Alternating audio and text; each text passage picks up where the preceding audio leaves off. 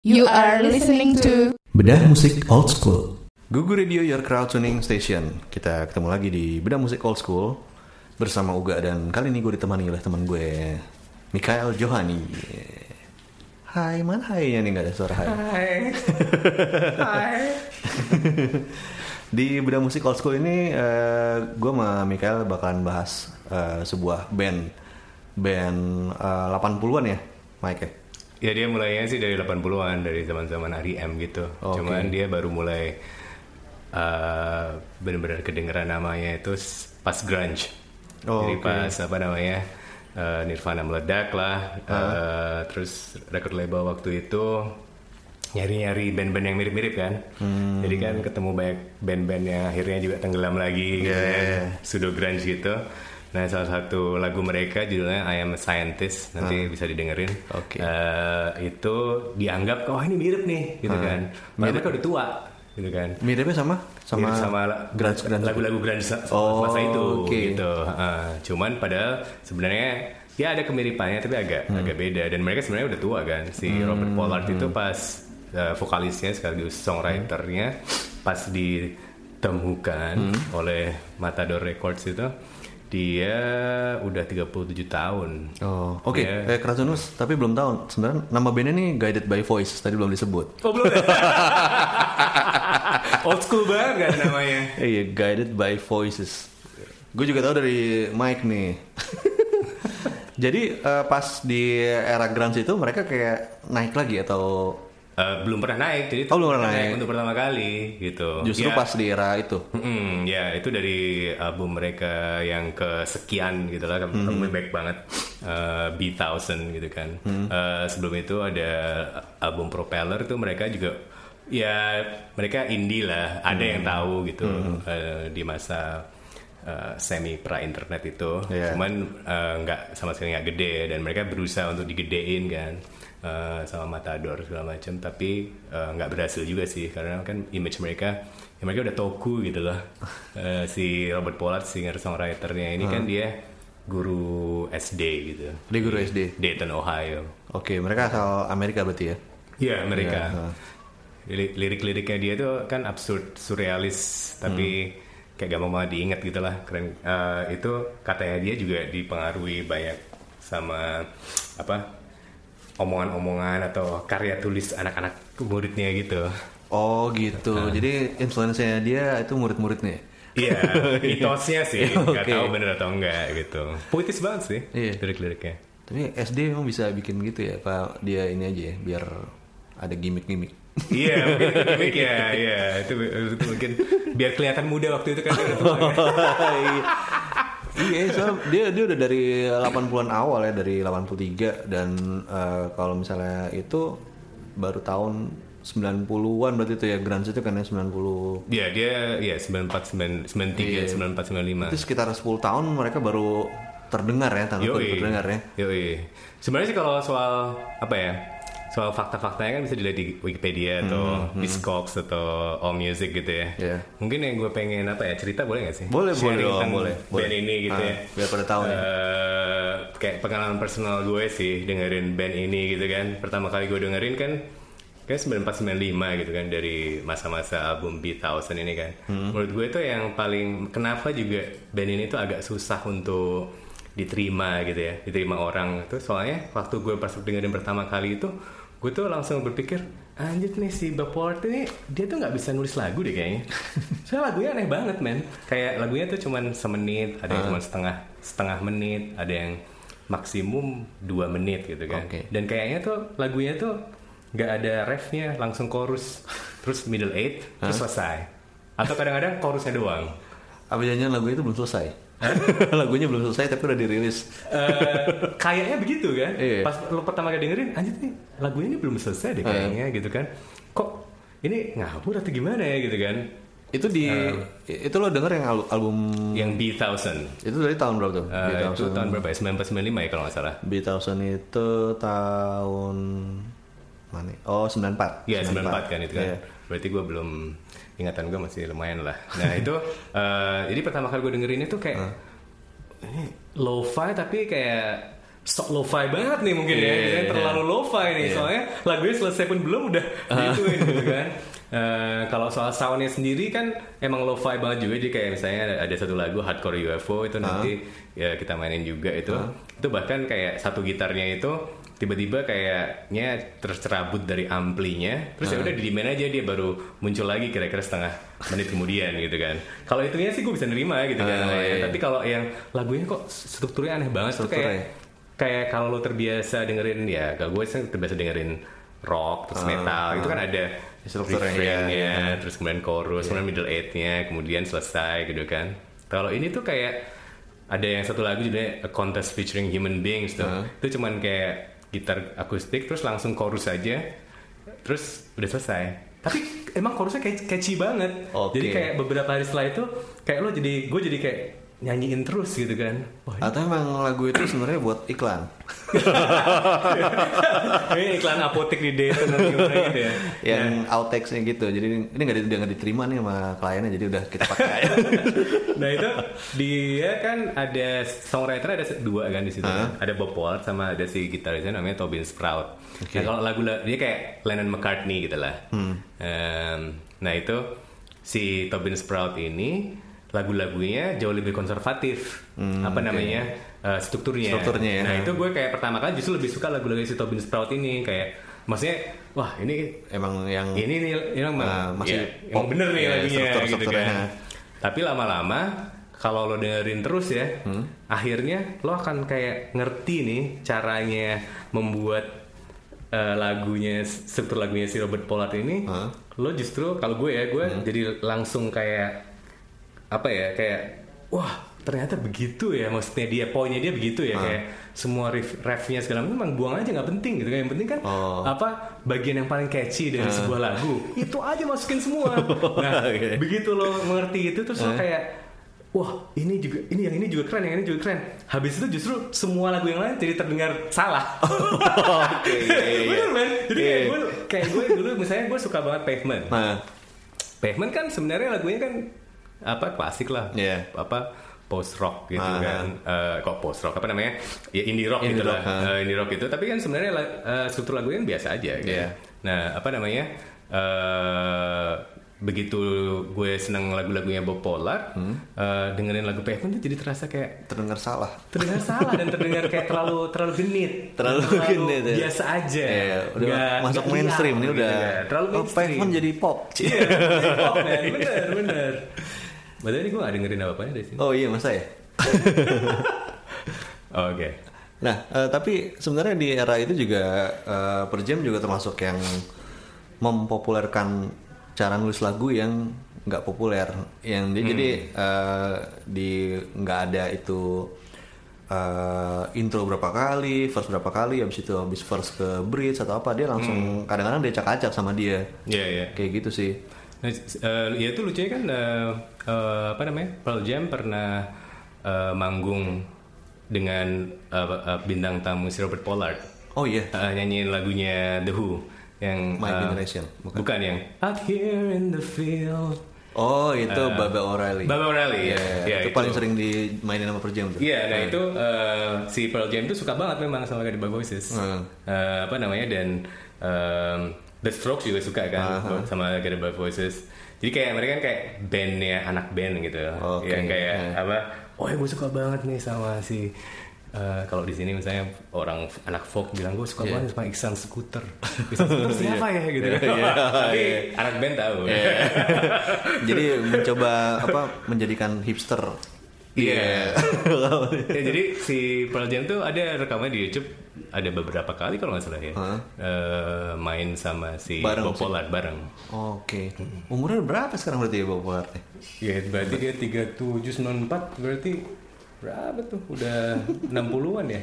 60-an ya. Heeh. Tapi masih aktif nih Guided by Voices. Masih tahun 2017 masih ngeluarin album kalau nggak salah. Hmm, Oke. Oke, Krasuners, eh, kita break dulu tapi kita masih akan ngebahas Guided by Voice di bidang musik old school, jadi jangan ke mana-mana. Nah, Mike, eh, lo eh, berarti lo pertama kali mengetahui ada band Guided by Voice ini, lo lagi ngapain? Maksudnya lo lagi di mana? Hmm. Tahu dari mana? Eh, gue waktu itu tuh Kalau gue gue tahu dari lo nih. Iya. Cie. Jadi gue bawahan lo nih. gue waktu itu lagi kuliah sih, Hah? lagi kuliah, terus ya lagi dengerinnya tuh ya kayak uh, Pavement, Hmm, uh, Arches of Love, ya American indie rock lah gitu. Terus gue di uh, dulu tuh gue gue waktu itu kan tinggal di kota Canberra di Australia. Hmm. Nah dulu itu ada tempat persewaan CD, anjir kan. Tempat persewaan. Persewaan CD sekarang mana ada Iya, kayak iya. gituan kan. Di DVD dulu ada. Iya, nah dulu, dulu ada persewaan CD namanya eh gue lupa namanya namanya, tapi Ini di mana Mike? Di mana? di Canberra Australia. Oh, iya, oke. Nah itu gue jadi kadang-kadang karena nyewa jadi kan ya kadang ngasal aja kan Hmm. Nah, oh ini nah. ada ini nih nah itu gue pertama kali nyewa yang um, Beathausen itu Oh, oke. cuman waktu pertama kali nyewa gue dengerin aduh nih apa sih Lo waktu itu lagi dengerin apa tuh? Eh, Selain Pavement ya? Pavement tadi ya? Pavement, Arches of Love, uh, Ga- uh, Dinosaur Junior, uh, Sonic Youth, Sonic Youth, uh, apalagi standar lah. Sonic Youth padahal gitu. aneh juga ininya ya. Iya, tapi Sonic Youth waktu itu kan uh, uh, mereka sampai uh, masa-masa apa ya experimental jazz set. Iya, experimental jazz Iya, set. itu um, mereka kalau mereka kan lebih kayak um, ingin gimana ya? Mereka kan kayak pengen kayak misalnya gue dengerin experimental jazz set Threshold Star itu kan, Ah. gue kayak ngerasa kayak ini maksudnya apa ya? Gue kayak nggak kurang suka gitu. ya. Hmm. Ah. Tapi setelah dengerin uh, Washing Machine, Iya. gue jadi baru tahu oh maksud lo pengen menuju ke washing machine itu pengen bebas gitu Iya. kan dari struktur musik segala macam jadi gue bisa bisa ngerti percobaan mereka yang belum terlalu berhasil ini oke juga ya gitu Iya. kan nah Itu ada yang ada bull in the hatter kan ya. ah, ah. nah itu kalau menurut gue itu ada hubungannya dengan Gak ada khusus sih, soalnya salah satu pengaruh terbesar mereka kan juga The Who. Nah kalau lo dengerin The Who dulu itu kan The Who itu kan juga kayak pengen ngerok aja gitu Iya. kan, pengen hancur aja Iya. gitu kan. Tapi kan mereka kan besarnya di dunia waktu itu kan sangat ngepop gitu kan, Ah, The Beatles bener. segala Ah. macam. Jadi mungkin si Pete Townsendnya udah kayak wah gila Iya. banget, apa gayanya di panggung kayak gitu, tapi lagunya Pictures of me. Sa- si Kate Moon juga dia nggak ada hi hat kan dia simbal Iya, semua iya. ya. Dia kan berusaha Iya. memberontak dari itu, tapi kan ya semua orang kan eh, produk dari masanya ya, Ah. susah untuk Iya, jadi iya. super eksperimental banget kan kecuali lo nggak tahu lah avant-garde banget gitu Ah. ya. Nah, si Guided Voices, by Voices itu kan menurut gue dia berhasil banget Hmm. justru kayak apa? eh, gue pengen kayak keluar dari struktur eh, apa namanya lagu pop Ah, rock iya, ha. yang biasanya. Nah si terutama si Bob Pollard ini berhasil banget dia. Justru kalau secara struktur lebih lebih lebih lebih gila daripada Sonic Youth gitu. Oh, oke. Walaupun justru lagu mereka nggak ada tuh kayak distorsi yang Ah. kayak Iya. kayak itu Atau noise- noise gitu, noise-nya tuh iya. justru justru dikit walaupun mereka lo-fi jadi kayak apa namanya kan mereka tuh kalau ngerekam tuh kalau nggak salah awal-awalnya gitu kan mereka pakai four track doang kan Ah. tapi kan four track uh, four track terus ditaruh di satu track terus ditimpa lagi Iya, oke. pokoknya bisa sampai Hmm. banyak banget sebenarnya Hmm, tracknya tapi uh, karena mesi- pakai mesin four track biasa jadinya suaranya tuh hancur banget Iya, karena yang, yang di awal udah nggak bisa diapain lagi gitu. Iya, iya, Nah, iya. Jadi banyak banget kalau lo nggak terbiasa, kalau lo misalnya terbiasa dengerin musik-musik zaman sekarang gitu ya, yang kayak rapi banget gitu ya. em, em, itu kalau dengerin Gada Bawasa pertama kali itu lo akan ngerasa kayak gila ini bahkan instrumennya pun tuh kayak ya itu kayak salah rekam apa yang musik apa itu eh, kayaknya ini nggak sengaja deh Aha. gitu. Tapi itu sebenarnya bagian dari estetiknya mereka. Oh, tapi mereka emang emang merencanakan itu gitu apa mereka Iya, memang mereka merencanakan itu. Mereka pengen dobrak Iya, dan kalau kalau zaman dulu pernah baca Spin atau Mojo gitu kan kalau si ya mungkin ini spinnya si Bob Pollard itu kan dia sebenarnya lagu-lagunya dia itu sebenarnya lagu-lagu stadium rock. Hah. Cuman direkam di four track. Oh. Jadi dia kayak pengen menciptakan lagu kayak Baba O'Reilly Iya. gitu tuh. Cuman eh, dia nggak suka sound yang kayak terlalu bener gitu. Hmm, gitu iya, sih. iya. Tapi sebenarnya uh, percobaannya berhasil tapi albumnya kurang ya. Kalau misalnya buat diterima Em, kalau kalau ya kayak sejarah telah membuktikan bahwa mereka nggak pernah jadi populer ya.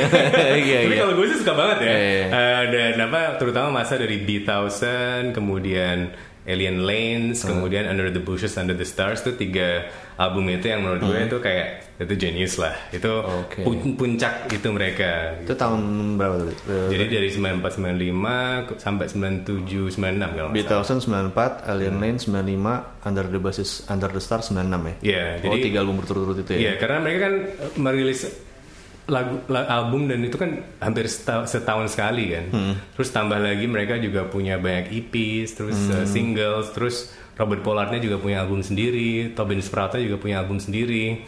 Jadi ada di internet ada Guided by Voices Database GBVDB itu itu ada semua apa list kayak fansite gitu itu list semua rekaman yang pernah dilakukan oleh By Voices itu kayak baik banget kayak Iya. udah nggak mungkin di koleksi Bener nih kalau di diskografinya aja ada 26 nih. iya Gila 26 Itu yang- album. iya itu yang by Voices, Voices sendiri terus kan mereka kan sempat sempat vakum kan eh, kayaknya awal 2000-an juga sempat vakum itu aja masih 26 album Hmm. Oke, Krasuners, kita break lagi, tapi kita akan balik lagi masih bersama Mikael. Kita akan ngomongin tentang Guided by Voice di beda musik old school. Nah, kita masih ngomongin tentang uh, Guided by Voice nih. Dari dulu tuh uh, labelnya Matador atau Matador ngambil di album mana gitu ya? kalau nggak salah dia ngambilnya eh, Banyak di- tapi ya ini ya. gue gak lupa sih. Eh, sebentar. Matador itu kan banyak ya kayak si Modus Mouse kan di Matador ya. Iya, dia dulu eh, rilis Interpol sendiri. ya, Interpol juga ya. Interpol ya. Ah. Kalau dia dulu rilis sendiri terus eh, Scat Record. Skate Records. Scat Record terus kemudian diambil Matador. Terus kayaknya keluar lagi sendiri terus selama diambil Matador mereka juga punya record labelnya sendiri kayak ngeluarin Fading Captain Series. Oke. Itu yang kayak A-side, B-side segala Oh, macam oke. gitu kan. Salah satu koleksi gue dari mereka yang paling nggak penting kan yang 100 lagu B-sides mereka. Gokil terus lagu bisa. 4 CD. tapi tapi menarik karena Ah. karena mereka memang kayak jadi mereka misalnya punya satu lagu nih, terus ada bagiannya yang menarik gitu kan, Ah. yang lainnya nggak nggak bagus gitu kan. Tuh nanti lagu bagian yang menarik bisa muncul di lagu masa depan Oh. gitu. Jadi di kanibalisme sendiri gitu sama dia. Nah ini yang eh, menarik nih, gue ngebet di Wikipedia nih. Yang ini, eh, dia membernya juga banyak juga ya.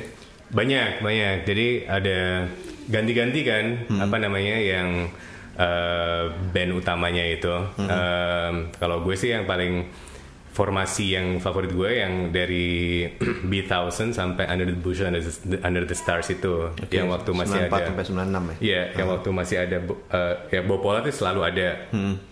Tapi gitarisnya dia sekaligus yang songwriternya dia juga yang Tobin Sprout itu. Tobin Sprout, ya. Kalau mereka bergabung tuh menurut gue itu udah paling Oh, bagus lah. oke. Pas Mac Earwig itu diganti jadi Doug Gillard kan. Si Doug Gillard ini lebih skill gitu. Hmm, oke. Tapi kalau buat gue jadi jadi lebih mainstream sih, jadi lebih mainstream. Tapi mungkin itu juga karena kayak nggak tahu ya mungkin mereka pengen jadi akhirnya berhasil juga atau gimana. Jadi kayak eh, setelah itu kan mereka ngeluarin Do the Collapse itu, eh, kayaknya mereka mencoba jadi eh, gede sih. Soalnya mereka eh, diproduce sama Rick Ocasek. Jadi kayak pengen jadi kayak eh, kan dia produsernya Weezer kan, Iya. gitu The Cars. Jadi dia mereka kayak pengen major label lah Oh, awal itu. oke. Terus habis itu mereka juga eh, itu eh, masuk TVT yang buat TVT, ya. lagu buat album Isolation Drills. Pokoknya mereka sempat satu eh, satu apa namanya satu label sama Snoop Dogg. Oh iya. Ajaib ya. Iya, tapi akhirnya nggak berhasil juga. Terus Oh, mereka balik balik ke apa musik-musik eh, musiknya lagu-lagunya balik lagi ke style zaman dulu. Tapi tapi tetap yang kalau pas sama Tobin Sprout itu formasi yang paling oke sih. Nah kalau gue lihat ini eh, hampir tiap tahun kali ya mereka rilis nih tau. Hmm, Bahkan di tahun yang sama pun bisa bisa ada dua rilisan. bisa bisa banget mereka itu. Iya, yang tadi Under the Buses Under the Stars itu Ah. habis itu Tonics and Twisted Chasers tuh 96 juga. Ya, nah Tony Santos Chases tuh dia eh, ini sih kayak B-sides, terus apa namanya eh, kayak dari singles, terus ada oh, kumpulan-kumpulan gitu. gitu, sih. Iya. Tapi sama mereka emang suka, kan mereka juga kayak Tony Santos Twisted Chases itu kalau nggak salah record labelnya bukan kayak record label lain lagi gitu. Oh, oke. Jadi mereka emang suka kayak gitu. Di 2018 nih, berarti tahun ini mereka ngeluarin Space Gun tuh. Itu gue malah belum dengerin. Belum dengerin nih. Terakhir, terakhir, terakhir lo dengerin album? Eh, yang 2017 mereka juga 2017 ngeluarin. siapa itu yang How ada? Do You Spell Heaven? Eh, pokoknya ada lagunya judul Dr. Feel Good tuh, tapi bukan Motley Oh, ya remake remake. Oke juga, mereka kayak kembali ke zaman apa masa zaman-zaman kejayaan mereka gitu. Oke Oh, juga sih. Cuman gue emang nggak terlalu mengikuti setelah setelah nggak terlalu mengikuti lagi setelah eh, yang eh, albumnya Universal Truths and Cycles. Hmm, Itu oke. setelah itu- itu 2002 tuh ya. Ah, itu setelah itu gue kayak waduh ini udah terlalu apa namanya terlalu mainstream stylenya gitu Yeah. stylenya biasa kayak rock banget lah Lo sendiri pernah nonton mereka nggak, Mike? nah itu gue belum pernah Oh, belum pernah ya? karena eh, waktu itu gue nungguin banget tuh gue gue kan pu- eh, pulang dari Australia tahun 2005 Hmm. gue nungguin banget mereka tuh ke situ. Tapi kan nggak ke situ ke situ. Terus akhirnya mereka ke situ kalau nggak salah 2005 juga. Tapi gue udah cabut. Dan apa teman gue nonton kan. Ah. dan itu kan mereka legendary gitu kayak kalau live itu mereka bisa mainin 40 lagu Aduh, Karena- kayak The Cure gitu ya, The Cure kan. ya karena lagu mereka kan cuma Oh setengah iya, menit iya, iya. kayak lagu pang sebenarnya kayak lagu pang tapi nggak ngepang gitu. Iya, terus mereka kan juga eh, terus si, si Bob Polat itu selalu mabuk banget gitu Hmm. kan. Terus gue diceritain sama temen gue sih, eh, emang itu benar-benar terjadi. Mereka Hmm. mainin kayak 40 lagu gitu, ongkornya 10 lagu. Terus mereka mabuk banget si Hmm. Bob Polatnya itu. Terus habis itu dia ternyata pas di kan mainnya kayak setengah bar gitu kan. Hmm.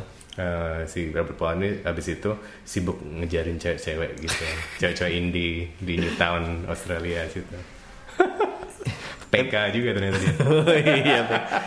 Dia tapi nggak nggak ada kemungkinan dia bakalan kasih ya kayaknya. ya. nggak tahu sih kayaknya sih enggak ya soalnya kan sekarang juga nggak ada hype-nya kan gue nggak tahu Iya, ya iya. kayaknya sih nggak ada hype-nya kan Nah kalau ini nih eh, lima lagu favorit lo guided, Oke. guided by voice apa? ya? oke lima lagu favorit gue itu satu itu judulnya eh, Your Name Is Wild itu dari Under the Bushes Under the Stars Oke. itu eh, kalau mau dikasih tahu lagunya itu tentang apa itu emang susah soalnya lagunya absurd gitu kan Oke. tapi Mungkin harus tanya muridnya si mungkin ya mungkin terus ada satu lagu lagi juga dari album yang sama Hah? judulnya Lord of Overstock itu tentang penjual CD dia overstock terus. Gagal dong, gagal Overstock. Itu terus em, eh, ada lagu dari Alien Lanes judulnya eh, As We Go Up We Go Down. Gitu. Nomor tiga. Apalagi ya? Nomor empat eh, dari B1000 ada judul eh, lagunya Echo Myron Echo Myron Oke. itu dia cukup strukturnya cukup konservatif tapi itu rock banget sih.